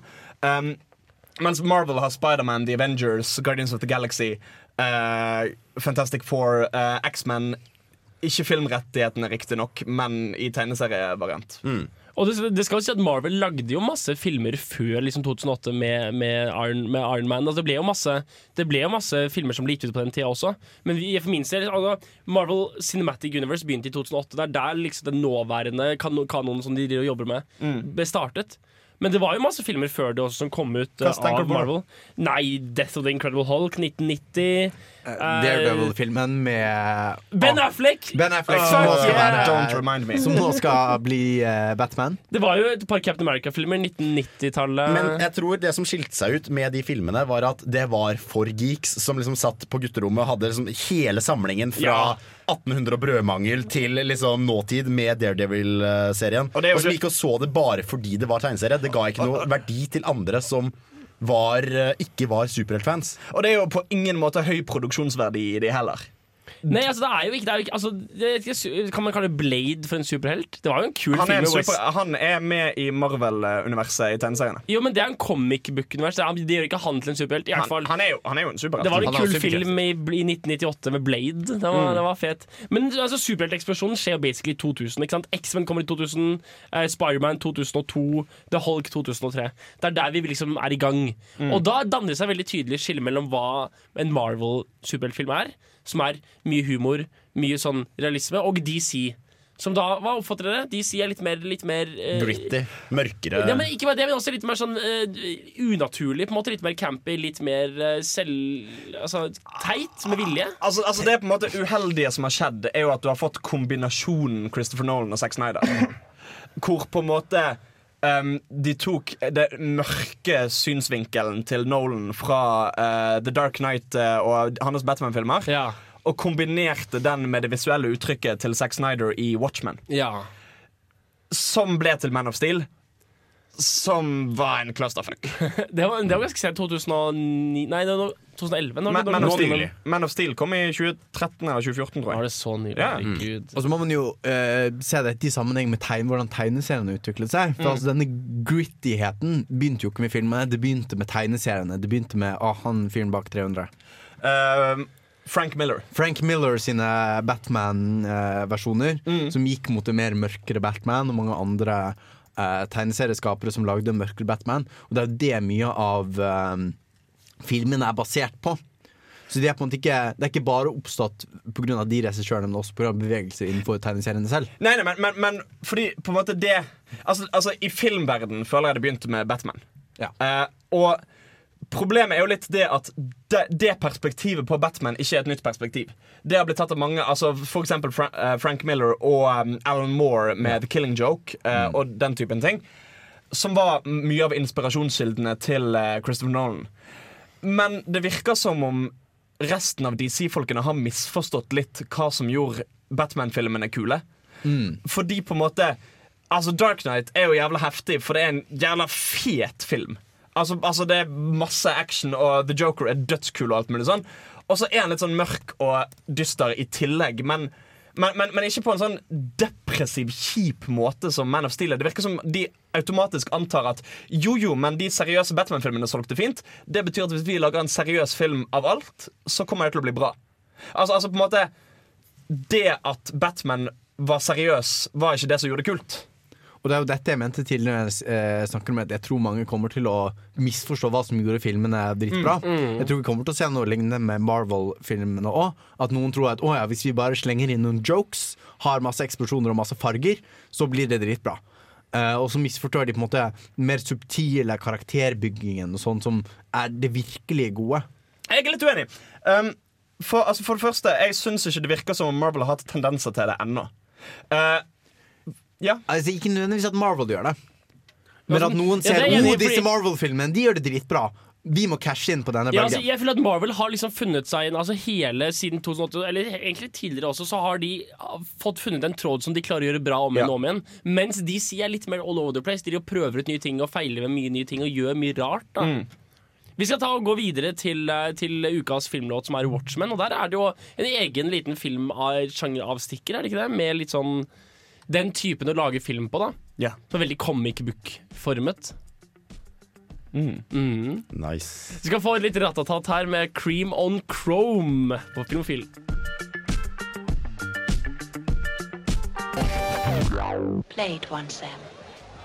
Det er jo alltid å ha musikk når den er påtent. Helst noe indisk eller pakistansk. Ukas filmlåt. Fordi vi, vi prater jo litt om hva som er forskjellige typer superheltfilm, og vi driver og vakler litt sånn inn og ut av comic book-film og superheltfilm.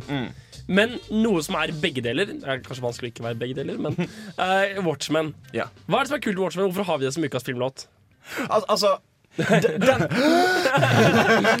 jeg begynne? Men den låten er kul i sammenheng med Watchmen. Altså, både fordi det er en låt som brukes i Watchmen, men også fordi at Watchmen er jo der at den har sett litt skulle jeg si, hermetegn, realistisk på dette med ikke superhelter som sådan, men hvordan vigilantism på den måten med masker og med liksom litt sånn above the law-innstillinger hadde fungert i virkeligheten.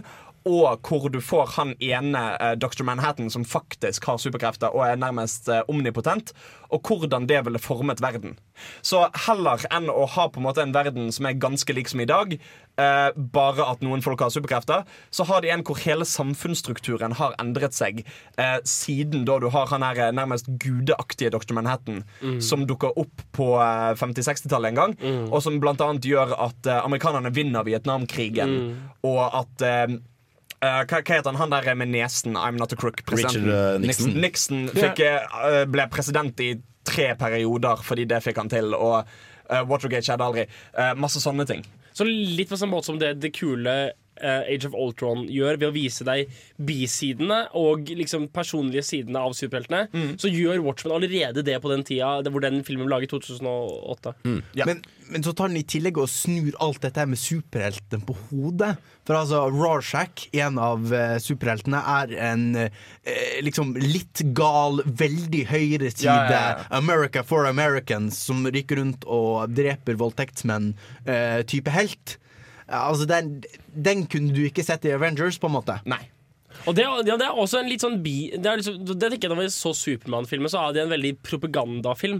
Det er veldig sånn America power, Mm. og veldig sånn der at ja, nei, jeg har lyst på eh, frihet for alle, likhet. Den amerikanske måten. Mm. Og så er det sånn, Han er veldig veldig amerikansk. Han er basically Captain America, bare uten navnet. Mens Rorschach er mer sånn Vet du hva, livet er betydningsløst. Alle kommer til å dø, og jeg kommer til å fucke deg opp hvis du kødder med meg.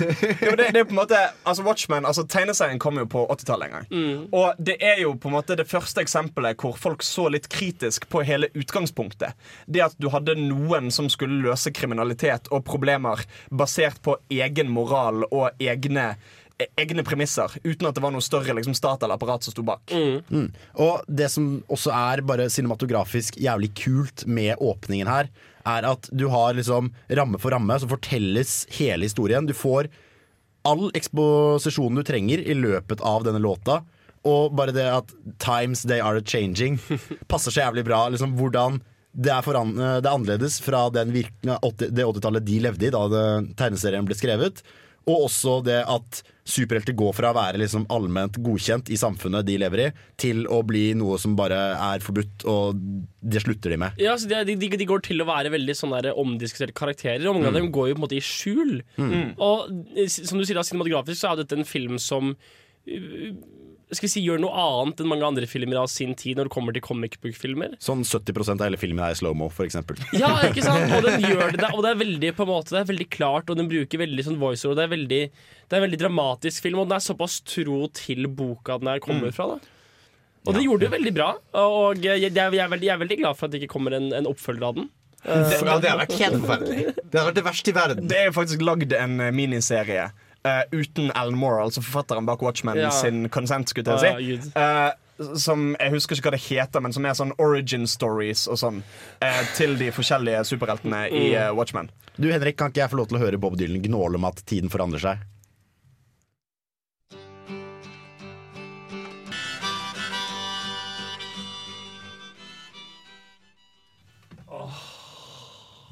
Det er for, for, for bra musikk, nemlig. Så hva er folks yndlingssuperheltfilm? La oss trekke oss et lite øyeblikk så lenge vi klarer. Ta hodet opp av vannet av diskusjon rundt comic book og superhelter. Eh, Altså- Yndlingssuperheltfilm? Hvilken superheltfilm må jeg se, Andreas? Jeg vet ikke hvor mye Jeg har sett noen superheltfilm som du må se, som jeg Som du ikke har sett, men som jeg har sett. Hva må lytteren se? Eh, altså, Hvis du ikke har sett Batman-filmene, så har de gjort noe alvorlig feil. Mm. Altså. Batman Begins 2002? Ba- ja. Nei, Nolan- hva faen var det? Hva er det med meg og tall i dag? Eh, Christopher Nolan sine Batman-filmer Altså Christopher Nolan er en av mine favorittregissører, eh, period. Mm. Eh, og han tar med seg det han kan, inn i superheltsjangeren, og det er fantastisk. Batman Begins 2005. Ja. Det er en bra film. serien- Den er bra. Eh, og så er det Dark Knight en knallfilm. En knallfilm. Og så er Dark Knight Returns ganske bra. Helt OK. Ja, Helt ok. Jeg, jeg likte den veldig veldig godt. Jan Markus. Eh, Hans. Hva? Favorittfilmer? Er favorittfilm? Um, ok En film jeg likte veldig godt, som veldig mange ikke likte, er The, The Amazing Spider-Man 2. Altså den siste Spider-Man-filmen som har kommet. Uh, Hvorfor, hvorfor, er det, hvorfor er den bra? fordi den er Spør meg nydelig skutt. Eh, de har klart å regissere han og filme han på en måte som gjør Altså Hele webslingingen han gjør mellom byene, ser Mhm. dødsbra ut. Jeg en av de få som virkelig virkelig liker Andrew Garfield som Spiderman. Ja. Uh, han er dødskul. Uh, hele kjemien mellom han og Emma Stone er dødsbra. Og så er den filmen litt fjernet fra klisjeer Altså. Ja. Den er nesten litt sånn overraskende til tidspunkt, Og- og den er godt, godt disponert. Det er mange problemer med filmen. Selvfølgelig ja, For det er, Han har et problem med at han prøver å ha for mye historier. For mange forskjellige Mm. historier. For mange skurker. Eh, litt problematisk slutt. Nå skal jeg ikke spoile, men det har med love interesten hans å gjøre, og hva det impliserer med kvinners rolle i ting og litt sånne ting. Mm. Som kanskje kan være uheldig. Men han er tøff.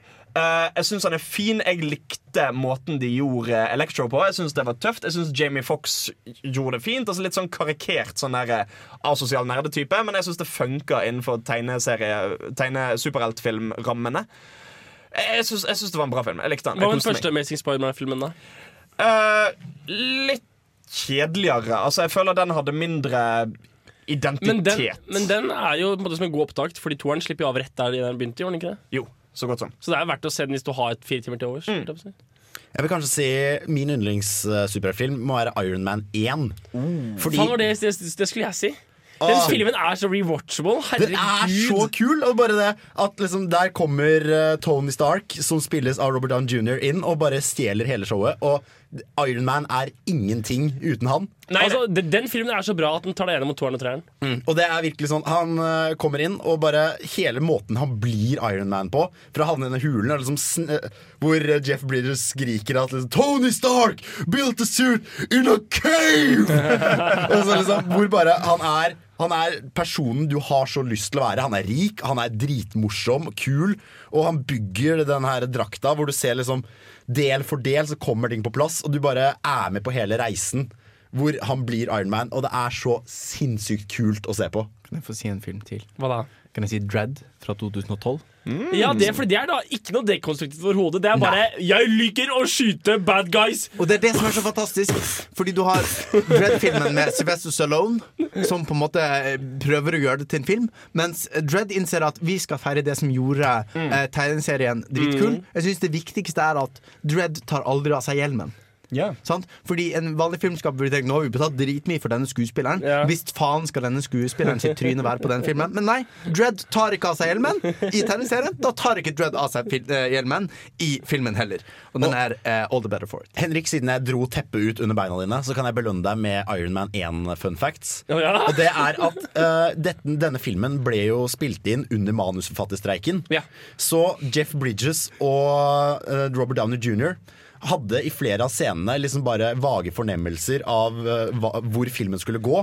Så flere av scenene er bare de to som går inn i character og improviserer scener oh sammen. my Og dette her, Wow. siden begge to bare ruler som skuespillere, så ble dette her da så bra at det kom inn i filmen og fungerte bedre enn toeren og treeren, fordi de sammen bare var Kjemi 3000 som lagde Iron Man 1 til å bli så sinnssykt fett. Men altså, det må jo sies at Iron Man 1 er jo et eksempel hvor skuespilleren skapte figuren. Ja, Al virkelig. altså, fordi sånn, altså, Selv tegneseriene Iron Man har ikke vært noen ting i nærheten av så kul som han er i den filmen. Hvor på en måte bare den karismaen til Robert Downey jr. og sjarmen bare skaper hele greien. Det, det kunne ikke vært gjort av noen andre. Jeg, jeg er litt usikker på hva jeg skal si som min yndling, eh, eller noe som du må se. Altså, jeg vil anbefale deg å se de fleste tingene av altså Marvel-universets nyere tid. Altså, Du må egentlig se alt i Marvel Cinematic Universe fra 2008. Du må se Avengers, må du, se, du må se Iron Man-filmene, du må se Captain America-filmene, du må se Hulk Nei, jeg trenger ikke å se. Men du, Thor er ikke så nødvendig heller. Altså, jeg, jeg, Yndlingsfilmen min noen ganger er selvfølgelig, er selvfølgelig The Fantastic Four, Rise of the Silver Surfer Nei, Selvfølgelig. Nei, det er ikke det. Du må seriøst se Watchmen. Hva med Chronicle DC? Er det, er det, er det en super... Mener er du Chronicle, den om den handheld footage-filmen? 2012 så kommer det ut en film som handler om tre high school-folk som, som får superhelter. Og den filmen er jo laget av Jeg husker ikke hvem den er laget av, men det er en helt utrolig bra film. Og den, det er sånn 20th Century Fox-film der den griper deg ved ballene og holder, holder blikkontakten din i liksom den fulle lengden av den filmen.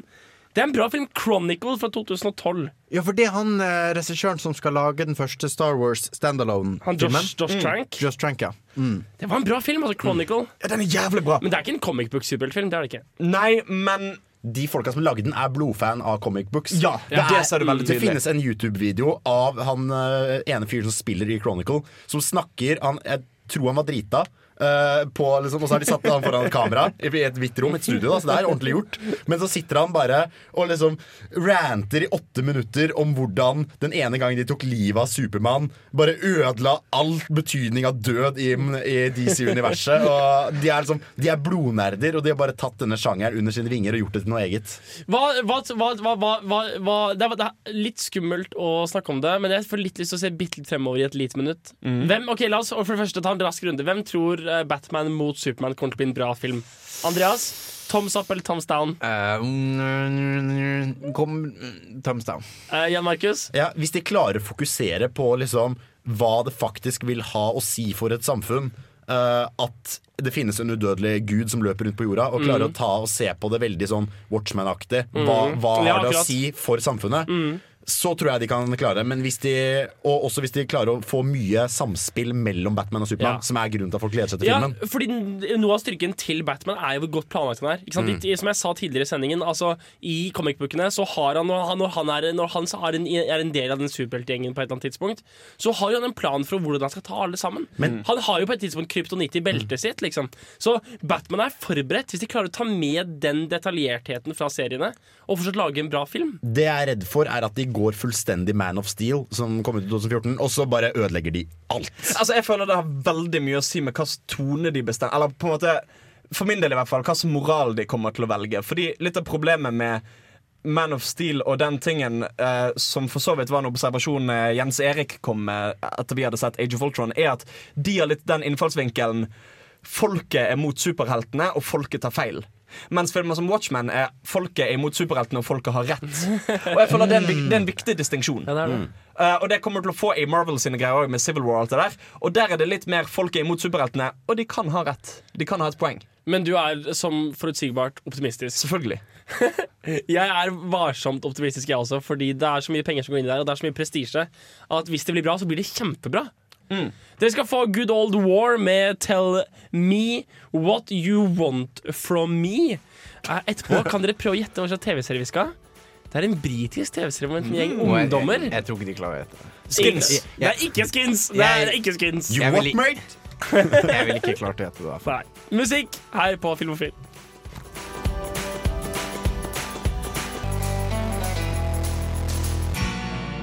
Hei! Hei! Det er ikke 90s sitcom-flashback. Ta og Skru på noe annet. Ja, bedre, men prøv igjen.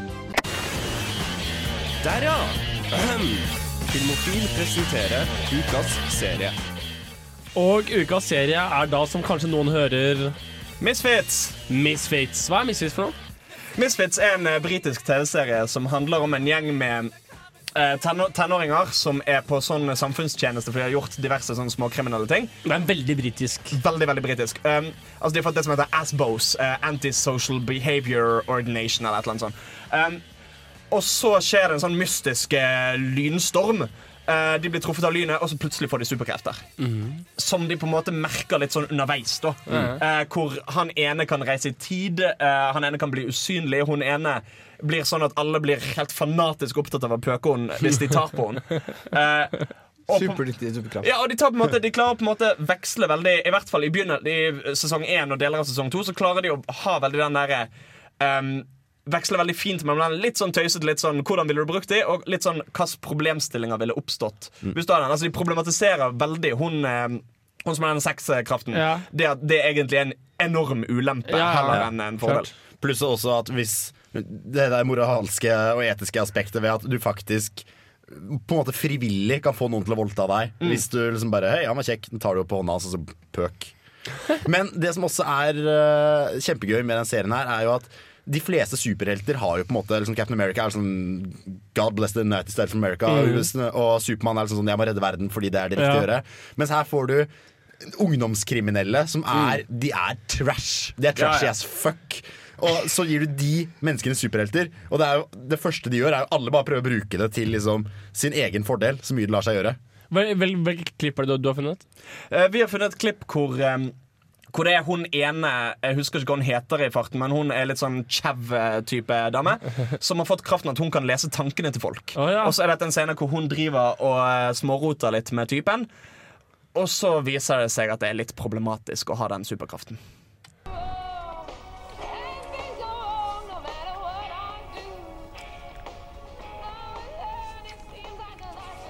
It's that weird. It's like I'm off my face or something. Keith was talking to me, and he's a dog, yeah? It's doing my head in. Get her tits out. I'm telling you, I'm losing it. Alright. Why don't she want to have sex with me? Come on, sex her up. Oh yeah. What if she thinks I'm shit in bed? She's been with loads more people than I am. Maybe she's screwing around. Oh! I'm not a slag. What? What are you talking about? You think I screw around? Man, you've lost it. That's what you think. You think I'll do that to you? Man, you're a mental case. We're over. And enough of you. I fucking love ya. Can't believe I gave her that ring. I fucking love you! Det er så Fucking vakkert. love you det er så vakkert, den lyden. De dialektene hans. Det er helt fantastisk. Så Det som gjør Misfits bra, er at det faktisk er en kul sånn herre Hva ville skjedd i virkeligheten-greie, og det er Mm. vellaget. Sesong én og to, i hvert fall. Men noe av det mest fascinerende med den serien er at den blir en helt annen serie på et eller annet tidspunkt. Og jeg elsker det! Altså, det er to, altså, jeg likte veldig godt at på et eller annet tidspunkt så bestemte de som lager seg den serien for å bare ha det veldig gøy. Ja, jeg syns de, de dro det litt la- altså Etter hvert, sånn som når for eksempel Det skjer jo på et tidspunkt at, alle, at de kommer i kontakt med en fyr som kan endre kreftene deres og bytte på kreftene med andre osv. Mm. Uh, og det er litt sånn eh, cast-endringer og litt sånn forskjellig. Og da syns jeg det ble litt sånn Nå går dere tom for ideer, folkens. Jeg mener å huske at må, de måtte gjøre cast-endringer fordi en av de som spilte, uh, faktisk havna i sånn der samfunnstjeneste i virkeligheten. Så det er, de, de tok, jeg ser for meg at de gikk ut på gata og bare Ok, hvem er det som ser ut som trash? De, Vi tar dem fordi de er trash. Ja, ja, det er method acting som faen. er det noen andre TV-serier som folk blir truffet av? Altså, Agents of Shield, er det en superheltserie? Dødsbra. Eh, til en viss grad. Eh, de refererer veldig til superhelter, og det foregår i Altså det er kanon i Marvel Cinematic Universe. Og det er på en måte en del sånn, skulle jeg si lavere på rangstigen superheltfigurer som skjer. Altså, hun ene karakteren blir til en figur som faktisk er en superhelt i tegneseriekanonen til Marvel. Ja. Så det er litt sånn delvis Og de har nå begynt å referere til The Inhumans eh, mot, slutt, eh, mot liksom andre halvdel av sesong to. Som er en gruppering i Marvel-tegneserieuniverset som på en måte er De er ikke mutanter og X-Men, men de er nesten mutanter og X-Men. uh, og, og som det, det er liksom litt sånn konspirasjonsteorier at siden eh, Fox er det vel som eier uh, filmrettighetene til X-Men, så skal Marvel i tegneserieverdenen sin mer eller mindre avslutte X-Men som konsept. Og rebrande det som The Inhumans. sånn at de da kan ta tilbake eh, filmrettighetene og begynner å lage Inhumans-filmer som basically bare er X-Men-filmer med et annet navn. Totally not X-Men. Dot, Ja, ja. TM eh, trademark. Og så er det jo noen som vil si tror jeg, at den, altså, en av de bedre animerte seriene som noen gang er Mm. laget, er vel Batman The Animated Series. Ja, ja. 92 til 95. Ja, for det er et poeng at selv om eh, I min mening så er Marvel mye bedre enn DC på filmfronten, så har DC veldig mye bra animert. Og det er jo, vi, vi begynte dagen med å prate om, eh, om eh, stemmeskuespill og sånn, og stemmeskuespillet i Batman The Animated Series er jo Altså, det er tidenes beste joker. Det, er tidligere, altså, det, er, det er så utrolig mye bra i den serien. Og det er intervju med han som spiller jokeren i den Batman-serien. Ja, eh, er det det? Ja, ja, i, I I That Voice. Det er det er jo- du det er absolutt burde sjekke ut. For det er jo Luke. Altså, Ja, det er jo Mark Hamill. Mark Hamill. Det er, Mark, Ja, det er Mark Hamill. jo, jo. Jo, det er Mark jo. Hamill som er jokeren. Så gøy! Mark Hamill er med i den filmen. Jeg, jeg, jeg hørte en, eh, et fantastisk klipp med, Mark Hammond, for han øvde seg på jokerlatter i bilen hver gang han kjøpte, kjørte til jobb. Og han han fikk veldig mange rare blikk fra folk som kjørte ved siden av. bilen sin. Men det er masse Det er også noen serier som er fylt av underholdning for alle aldre. på en måte For det er bra for åtteåringen, og så er det masse weirde, weirde referanser for liksom 25-åringene som ser på. Så det er utrolig mye morsomt lavbudsjett-ting der ute for superheltfanene. på en måte Det ryktes jo også, Jeg har ikke rekt å se denne, men det ryktes jo også at den nye um, Daredevil-serien er ganske bra. Ja, altså Ja, den er jo litt som Arrow, at den er bra på andre grunner enn av at actionen er bra. Er På en Arrow, måte er Arrow bra? Arrow er bra på en måte som er jeg, had- jeg, jeg vurderte å ta den som ikke har serie, fordi det er en bra serie. Men hvorfor er vanskelig å sette fingeren Jeg har sett noen episoder, jeg synes Nei. Altså, det er bra, forstår du? Altså, det er godt laget, verden er godt laget, og det er engasjerende story, men, men jeg vet ikke det er, ingen enkeltting som er bra med den serien. Og jeg får litt samme følelse med Daredevil, at det er en bra, veldig bra laget serie og veldig godt konstruert serie, men det er ingen enkeltting som er veldig bra. Vi skal ta og nærme oss slutten av sendingen. Først skal dere få høre The Good, The Bad and The Sugly um, fra, med Hate Will Get Us Everywhere.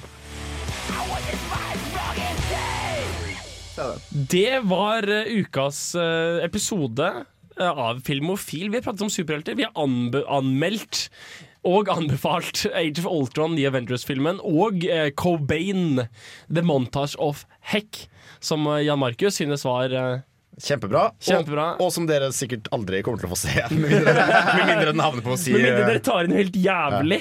HBO uh, Go. For, jeg sier fra når den kommer ut, jeg. Neste uke så skal vi snakke om fantasyfilmer, nå som vi først er så godt i gang. Spørs meg litt hva som skal være ukas hjemmelekse, fordi fantasy er et så stort tema at vi må prøve å narrow it down på en eller annen måte. The Princess Bride. Ja, Det er jo da en sånn fantasy folktale-type film, mens det fins andre typer fantasy, sånn som Harry Potter. Jeg har et forslag. Hva da? Hva da? Snakk. Eh, Pans labyrint. Ja, ja, Jeg er ok. med, jeg er med. Neste ukes hjemmelekse er Pans labyrint. Det har vært eh, Henrik. Hans. Ja, Markus. Andreas. Og eh, håper du har kost dere. Neste uke er Frida ikke tilbake, men Andreas kommer tilbake. Så det er da noe. Ha en fantastisk uke, og så får du ta og like oss på Facebook. Gjør det.